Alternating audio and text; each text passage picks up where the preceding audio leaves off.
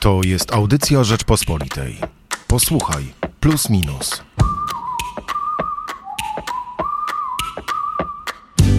Co tydzień będziemy dyskutować o przemianach cywilizacyjnych, modach intelektualnych, wyzwaniach przyszłości i o zmianach, jakie zachodzą w dzisiejszym świecie, czyli o tym, co nas najbardziej interesuje w magazynie Plus Minus sobotnio-niedzielnym wydaniu Rzeczpospolitej.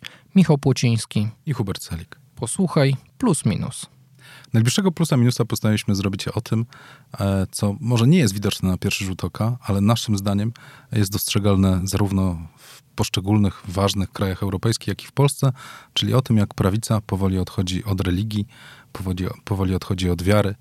E, I mamy w bloku trzy ciekawe teksty. Michał Szudrzyński rozpoczyna mm, danie główne tekstem Bożki, Bałwany i Demony. Domyślnie oczywiście to Bożki, nowe Bożki prawicy, ale zestawia je tak naprawdę z klasyczną myślą konserwatywną i republikańską, by jakoś to osadzić w mm, historii myśli e, politycznej, żeby nie były tylko abstrakcyjne pojęcia tutaj prawicy, bo do końca też, prawda, nie wiemy, czym ta prawica dzisiaj jest. Lewica no, zrobiliśmy o tym co prawda 15 plusów, ale wciąż nie, nie, dochodzimy do jakichś stałych wniosków, bo to się cały czas zmienia. Świat się rozwija, są kolejne zmiany cywilizacyjne. No i tak jak pisze Tomasz Rowiński w tekście Czasy tęczowej prawicy, mm, tak naprawdę dzisiejsze partie stają się takie sałatkowe, bary sałatkowe czy szwedzki stół, gdzie partie muszą wyciągać, prawda, różne pojęcia, zestawiać je ze sobą w sposób absolutnie niespójny, by przyciągać do siebie nowych wyborców. Może te mm, zaburzenie, problem z rozróżnieniem między prawicą i lewicą w pewnej mierze sprowadza się do tego, że coraz częściej partie nie reprezentują interesów grup społecznych, tylko tak naprawdę starają się po prostu przejąć władzę.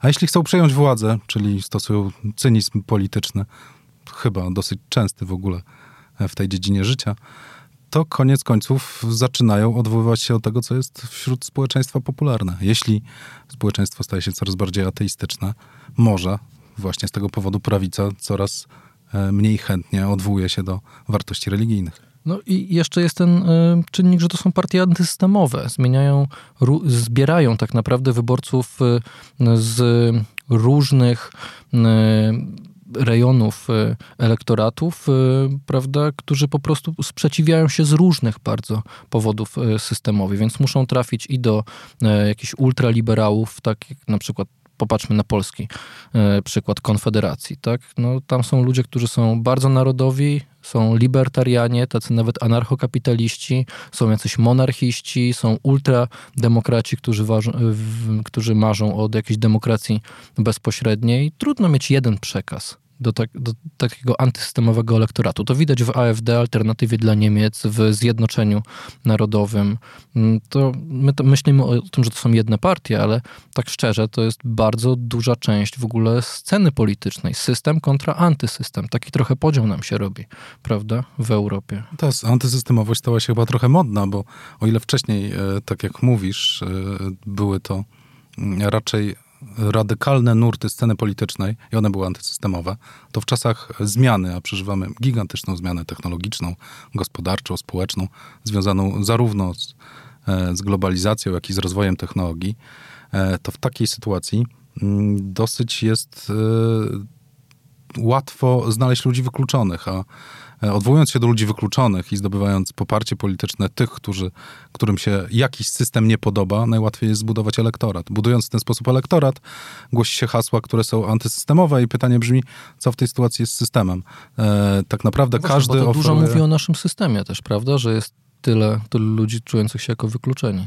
Pytanie brzmi, czy istnieje jakiś system, który można, który można nazwać naszym systemem, bo w każdym chyba kraju, w Wielkiej Brytanii, w Francji, w Niemczech, w Polsce, w każdym kraju europejskim, które są jakimiś punktami odniesienia chociażby dla nas, mm, jednak dokonuje się e, przemiana, w której e, zwycięża coś, co my nazywamy powszechnie populizmem, ale tak naprawdę jest to próbą odpowiedzi na ten niepokój, który narasta wśród społeczeństw, wśród, wśród poszczególnych e, mm, krajów. Brexit jest tego przykładem. Brexit w piątek, prawda, właśnie lada chwila będzie nas trochę mniej w tej Unii Europejskiej. No tak właśnie dyskutowaliśmy sobie na kolegium takim planującym numery plusa minusa i doszliśmy do e, wniosku po, po podobnej dyskusji, że rzeczywiście to zmienia mocno też e, prawicę, która przestaje być e, spójna i przestaje być y, zanurzona w jakimś po prostu też systemie religijnym. W Polsce to akurat jest dosyć prosta sprawa, bo te partie prawicowe często były po prostu partiami katolickimi. Mieliśmy ZCHN, no w tej chwili, jak zauważa Tomasz Rowiński, nie ma już takiej partii na scenie. Ja też rozmawiałem na przykład z filozofem Dariuszem Karłowiczem, który e, powiedział mi jedną ciekawą rzecz, że e, tylko czy komuś przeszkadza, że nie ma partii typowo katolickiej? Przecież y, dzięki temu, że PiS nie zawsze zgadza się z Kościołem, to łatwo jest rozróżnić, czym jest PiS, czym jest polityka, a czym jest Kościół. No, to też taki plus, można powiedzieć, tej sytuacji. Ale to trochę stawianie dwóch różnych systemów naprzeciwko siebie, stawianie nie bądźmy e, reli tak? religii partii na jednej, na jednej płaszczyźnie. Że łatwo rozróżnić Kościół od, od partii, to chyba trochę pomieszanie pojęć. Ja myślę, że to, takie też czasy, że nie ma w tej chwili typowo e, kościelnych e, partii. Najbardziej, wiesz, co mnie zaciekawiło w ogóle myśląc o tym temacie, stąd zresztą zrodził się pomysł, by stworzyć sylwetkę byłego księdza Jacka Międlara, napisał ją Tomasz Krzyżak, to, że dzisiaj e, w kościele, ale nie tylko, e, ludzie poszukują tożsamości, że nie jakby to samo chrześcijaństwo tej tożsamości nie daje. Widać właśnie na przykładzie Jacka Międlara, że on w poszukiwaniu tożsamości nawet zrezygnował z kościoła, znaczy musiał zrezygnować i przejść bardziej na te Mm, do tych nurtów e, narodowych, że to jednak ruch narodowy daje większą, większe poczucie tożsamości niż, e, niż Kościół. Pytanie też, dlaczego dzisiaj chrześcijaństwo tego nie daje, a po drugie, dlaczego partie, które niby mają dawać ci tożsamość, same, jak zaczęliśmy naszą rozmowę, tej tożsamości do końca nie mają, bo są właśnie tym zlepkiem z baru sałatkowego. No to jest ja nie masz wrażenia, że tak naprawdę, jeśli żyjemy w czasach e, zaawansowanego indywidualizmu, to e, poszukiwanie tożsamości e, nie musi wkraczać w obszary, które są tożsamością grupową. Że ta tożsamość indywidualna, te no, no, nastawienie na ja powoduje, że wcale nie musisz być częścią tak dużej instytucji jak, jak Kościół, żeby znaleźć swoją tożsamość. Możesz znaleźć swoje mikrotożsamości, świat zbudowany z mikrotożsamości. Zwróć uwagę jeszcze na jedną rzecz. E, w ciągu tych ostatnich 30 lat w Polsce mm, liczba osób, które mm, deklarują e, praktyki e, kościelne, chodzą do kościoła, chodzą na msze, spadła praktycznie o 30 punktów procentowych, z 71 do 41. A popatrz, ile to jest wśród młodych. Czy to nie jest trochę tak, że jeśli jest to katolicyzm na pokaz, bo trochę to w takim razie jest, jeśli katolikami deklaruje się e, znacząca większość osób w Polsce, a jednocześnie połowa z nich tylko uczęszcza do kościoła, to partia, która stara się odwoływać do pewnych wartości, nie dostosowuje się do rzeczywistości i też jest trochę e, katolicka na pokaz. Ale o tym właśnie pisze Michał Szułdrzyński w tekście Bożki, Bałwany i demony. Nie tylko oczywiście ten temat w najbliższym plusie minusie, mamy też e, kwestię, która chyba najbardziej rozpalała naszą wyobraźnię w mijającym tygodniu, e, czyli odnosimy się do światowych e, epidemii. Nie piszemy tylko o tym nowym koronawirusie z Wuhan, ale tekst Krzysztofa Kowalskiego tak naprawdę to jest przegląd historii światowych epidemii, trochę też taki przegląd historii cywilizacji poprzez tę epidemię, ale ty chyba lepiej wiesz, bo zresztą redagowałeś ten tekst. No to prawda, miałem tą przyjemność. Mam nadzieję, że to będzie przyjemność do czytania również. Natomiast to zawsze jest ciężko, jeśli się rozmawia o epidemiach, dlatego że e, balansujemy między takimi dwoma skrajnościami. E, wpadaniem w popłoch związany ze strachem, a jednocześnie z niedocenieniem i doszacowaniem efektów. Teraz to epidemia ta rozwija się w tak szybkim tempie, że ten strach jest jak gdyby dominującym uczuciem. E, jeśli w ciągu zaledwie tygodnia od, z kilkuset osób w jakimś regionie Chin liczba zakażonych skoczyła do kilku tysięcy, a e, liczba ofiar śmiertelnych zbliża się do 200 i E, z tego co słyszałem, te prognozy e, zaczynają iść w miliony, no to... Że po dwóch miesiącach już ma być na przykład dwa miliony ofiar. No to dominującym uczuciem jest strach. My ten strach staramy się złagodzić, pokazać w tym tekście, że jednak e, w przeszłości epidemie były bardziej, bardziej śmiertelne. Natomiast oczywiście to jest też kwestia skali tego, e, jak, jakie, na jakim poziomie była wówczas medycyna, co mogliśmy zaoferować, jak mogliśmy ludzi wyleczyć. Ale przykłady chociażby potów angielskich, XVI-wiecznej choroby, która potrafiła zabijać e, połowę miast, a później nagle zniknęła w swych symptomach bardzo podobna do eboli, e, szalejąca w Europie która zaczęła się od epidemii, paru epidemii w Londynie, e, pokazują, że, no, że ludzkość niejednokrotnie już borykała się z tym problemem. I teraz pytanie brzmi, czy napędzanie się strachem jest najlepszym rozwiązaniem? Moim zdaniem powinniśmy jednak patrzeć na to bardziej chłodno. I tu jest ten paradoks, że niby mamy medycynę na takim poziomie, rozwój technologii, który nas cały czas zaskakuje, a z drugiej strony wciąż nie potrafimy poradzić sobie z wirusami. Wydawałoby się, nie z jakimiś bardzo poważnymi chorobami. Krzysztof Kowalski pisze, że ludzkość już pogodziła się, że ma problem z nowotworem, że są choroby cywilizacyjne, ale kiedy 40 lat temu pojawiło się AIDS, to ludzie byli przerażeni, jak to jest możliwe, że taka prosta rzecz, że po prostu się zarażasz i nie ma żadnego lekarstwa. To, to jest chyba clue tego problemu, że to nie wydaje się niczym skomplikowanym, tak? A medycyna wciąż nie radzi sobie, jak wiemy, nawet z prostym wirusem przeziębienia. Nie wiem, czy to jest takie zupełnie nieskomplikowane, natomiast to chyba zwykle tak jest, jak pojawia się nowa choroba, no to nie ma na nią lekarstwa, trzeba ją opracować. E, trzeba ją opracować, wymyślić i myślę, że tutaj każdy, każde laboratorium na świecie e, stara się, stara się znaleźć jakieś remedium, Sprzyja też temu to, że ten, kto to wymyśli, zarobi naprawdę duże pieniądze.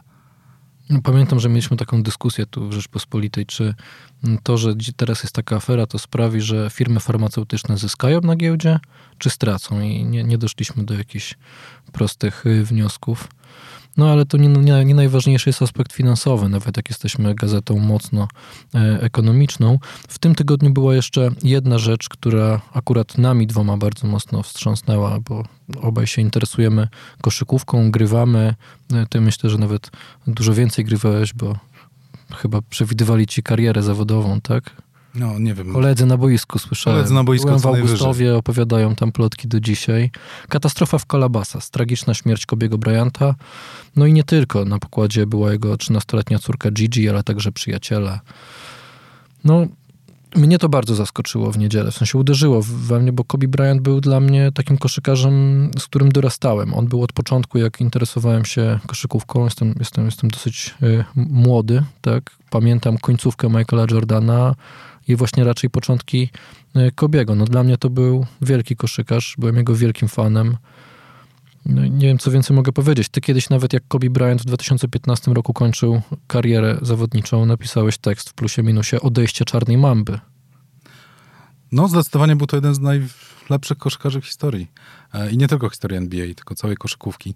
E, no, zawodnik niepowtarzalny, który zdobył pięć tyłów mistrzowskich który doprowadził Lakersów na szczyty, na których już wcześniej byli oczywiście, z, dzięki między innymi Magicowi Johnsonowi i Karimowi Abdul-Jabbarowi i nie tylko, bo w końcu to gra zespołowa. E, I ta gra zespołowa też nie zawsze Kobiemucha wychodziła, bo końcówka jego kariery pokazała, pokazała, że no nie wystarczy być jednym wspaniałym koszykarzem, a jednak trzeba mieć dookoła zespół. W sensie, że nie dźwigał już na swoich barkach całego zespołu, tak jak wcześniej. I tak naprawdę budżetowo też byli mocno uzależnieni od niego Lakersi, prawda?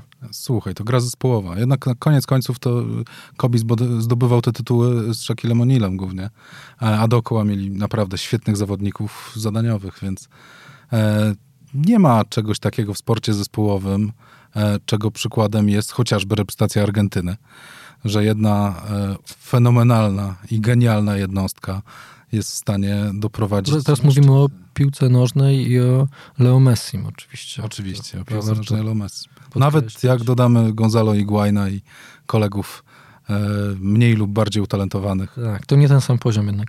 Um, żeby nie było w plusie minusie też o Kobim Bryancie piórem Wojciecha Małysza. Tytuł tekstu, pamiętasz? Po prostu dajcie mi piłkę. Po prostu dajcie mi piłkę. Zaskoczyłeś mnie, nawet chyba nie, nie wiedziałem, że taki tytuł. Bardzo mi się podoba.